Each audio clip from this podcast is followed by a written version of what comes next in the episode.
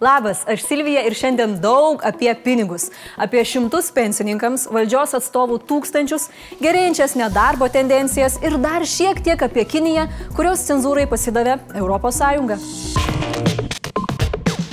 Seimo kautynės dėl 200 eurų pensininkams ir ne tik pasiekė finišą. Vienkartinės išmokos bus. Opozicija išmokas vadina valdančiųjų pensininkų balsų pirkimų prieš rinkimus.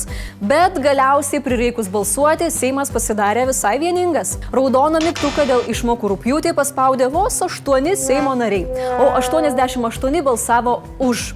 Laimingas Ramūnas Karbauskis po balsavimo už palaikymą kultūringai padėkojo net opozicijai. Gerbimi kolegos, aš prieš savaitę laiko e, parašiau tekstą, kuriame įsipareigojau atlikti vieną dalyką. Įsipareigojau nusilenkti tiems opozicijos nariams, kurie palaikys šitą įstatymo projektą. Ta ir darau dabar.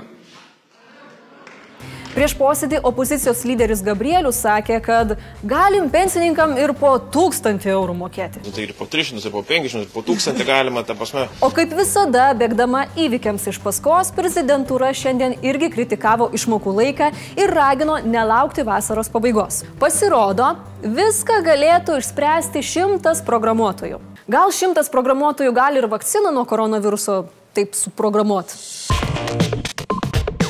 Seimo narys Kestutis Glaveckas mano, kad Lietuvos banko vadovo Vito Vasiliausko atlyginimas yra per didelis. Per dešimt metų jis augo beveik tris kartus ir siekia daugiau nei 7 tūkstančius eurų į rankas. Glavecko nuomonė alga per didelė ne tik dėl to, kad dabar krizė, bet ir dėl to, kad ji aplenkia prezidento atlyginimą. Seimo nariais užregistravo įstatymų projektą dėl Vasiliausko algos nurežimo penktadalių. Skvernelis savo atlyginimo per krizę susimažinti nepanoro. Jeigu aš gaučiau tokį atlyginimą kaip Lietuvos banko valdybos pirmininkas, tai tikrai sutikiu susimažinti bent trečdalį. Premjero atlyginimas ant popieriaus yra 5,7 tūkstančio eurų. Tai į rankas jis gauna maždaug varganus 3,5 tūkstančio. Progos pasisakyti nepraleido ir milijonierius Ramūnas Karbauskis. Jis pasakė, kad per krizę mažinti atlyginimų negalima. Bet jei jie labai dideli, tai tada galima. Mhm. Ką apie tai mano pats Vasiliauskas, nežinau, gal... O papasakyčiau, čia, čia jau gražu. Juokauju. Iš tikrųjų jis pasakė, tegu. Tegu. Šiek tiek pozityvo. Penkias gegužės dienas iš eilės įdarbinta 6 tūkstančiais daugiau žmonių nei atleista. Tokia naujiena šiandien pasidalijo vyriausybės kanclerio pirmasis pavaduotojas Lukas Savickas. Iš šių skaičių mes galime tikriausiai pasidaryti išvadą, kad tą pirmąjį efektą e, COVID situacijos ekonomikai mes jau pastebėjome, skaičiai pradeda stabilizuotis Pozityvumo įneša ir ekonomistas Nerijus Mačiulis, skaičiuojantis, kad per karantiną nedarbų įperkupus 11 procentų priartėjame prie piko. Anot Mačiulio, šis skaičius dar gali šiek tiek didėti dėl transporto ir pramonės sektorių, bet 2009 krizės nedarbo lygio esą pasiekti neturėtume. O finansų ministras viešai pasakė manantis, jog mes atsigausim greičiau nei likusi pandemijos skaudžiai parklubdyta Europa. Jis tikisi, kad prie to prisidės verslo lankstumas, mažas šalies įsiskolinimas, na ir šiaip gera finansų politika iki krizės.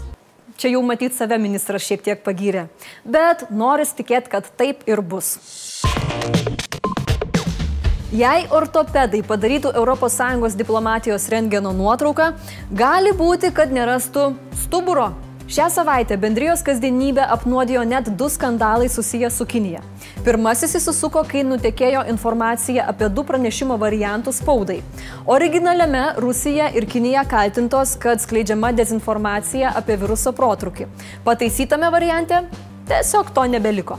O šiandien paaiškėjo, kad minint Kinijos ir ES diplomatinio bendradarbiavimo metinės, dėl Kinijos spaudimo buvo vėl išspausdinti du iškilmingo teksto variantai. Viename, kuris pasirodė Vokietijoje, Prancūzijoje ir Italijoje, minima, kad COVID-19 kilo Kinijoje. O China Day ir oficialiame pranešime šis sakinys išbrauktas. Cenzuruotą pranešimą paskelbė ir Lietuvos ambasada. Pasirodo, abu kartus Kinijai nepatinkančius teiginius išbraukė Kinijos prispausti ES pareigūnai.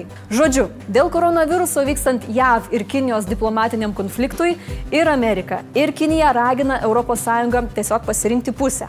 O pastaroji bando vat manevruoti kaip Katinas Leopoldas. Vaikai. Gyvenkime draugiškai. Blitz naujienos. Seimūno Rimanto Dagio vadovaujama Krikščionių sąjunga šliejasi prie valdančiųjų Seime. Apie tai pranešęs premjeras sakė, kad tokia parama labai svarbi krizės suvaldymo metu. Įdomus faktas, Dagio sąjungoje yra du nariai. Tai pats Dagys ir Egidijus Vareikis. Seimo narys Artūras Kardžius pranešė paliekantis valdančiųjų socialdemokratų darbo frakciją ir dabar į rinkimus svarsto eiti savarankiškai ar su kokia darbo partija. Tai dalykai labai kaip ir nepasikeis. Buvo darbo frakcijoje, dabar bus darbo partijoje. Vilniaus savivaldybės administracijos vadovas Povilas Poderskis paliko mero Remigijaus Šimašiaus įkurtą Laisvės partiją. Anot Poderskio tai niekaip nepaveiks jo darbo administracijoje. Partiją Poderskis paliko, nes pagal koalicijos sutartį administracijos vadovas privalo būti nepartinis. Šimašius kažkaip šitą reikalą pražiūrėjo. Negali žmogus ir sostinę gelbėti, ir visokias sutartis sužiūrėti. Rytinėje Indijos pakrantėje dėl dujų nuotėkio chemijos gamykloje žuvo mažiausiai septyni žmonės. Apie tūkstantį žmonių paguldyti į ligoninę. Pasirodo, ir čia prisidėjo koronavirusas. Mat gamykla dėl karantino darbą sustabdė, o rezervuarai buvo palikti be priežiūros. Pop muzikos karalienė Madonna pranešė, kad sirgo koronavirusu ir būtent dėl to vasarį atšūkė savo koncertą Paryžiuje. 61 Madonna dabar jau, ačiū Dievui, yra pasveikusi. Na, o netikėčiausias faktas šioje istorijoje yra tas, kad Madonna jau priklauso rizikos grupiai. Sveikinam ir save, ir kolega žurnalistus su spaudos atgavimo diena.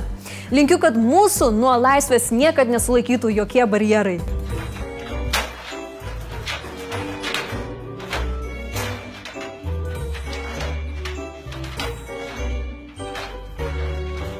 Džiaugiamės, kad su jūsų parama ir toliau galime būti nepriklausomi. Ačiū Jums ir tiek žinių.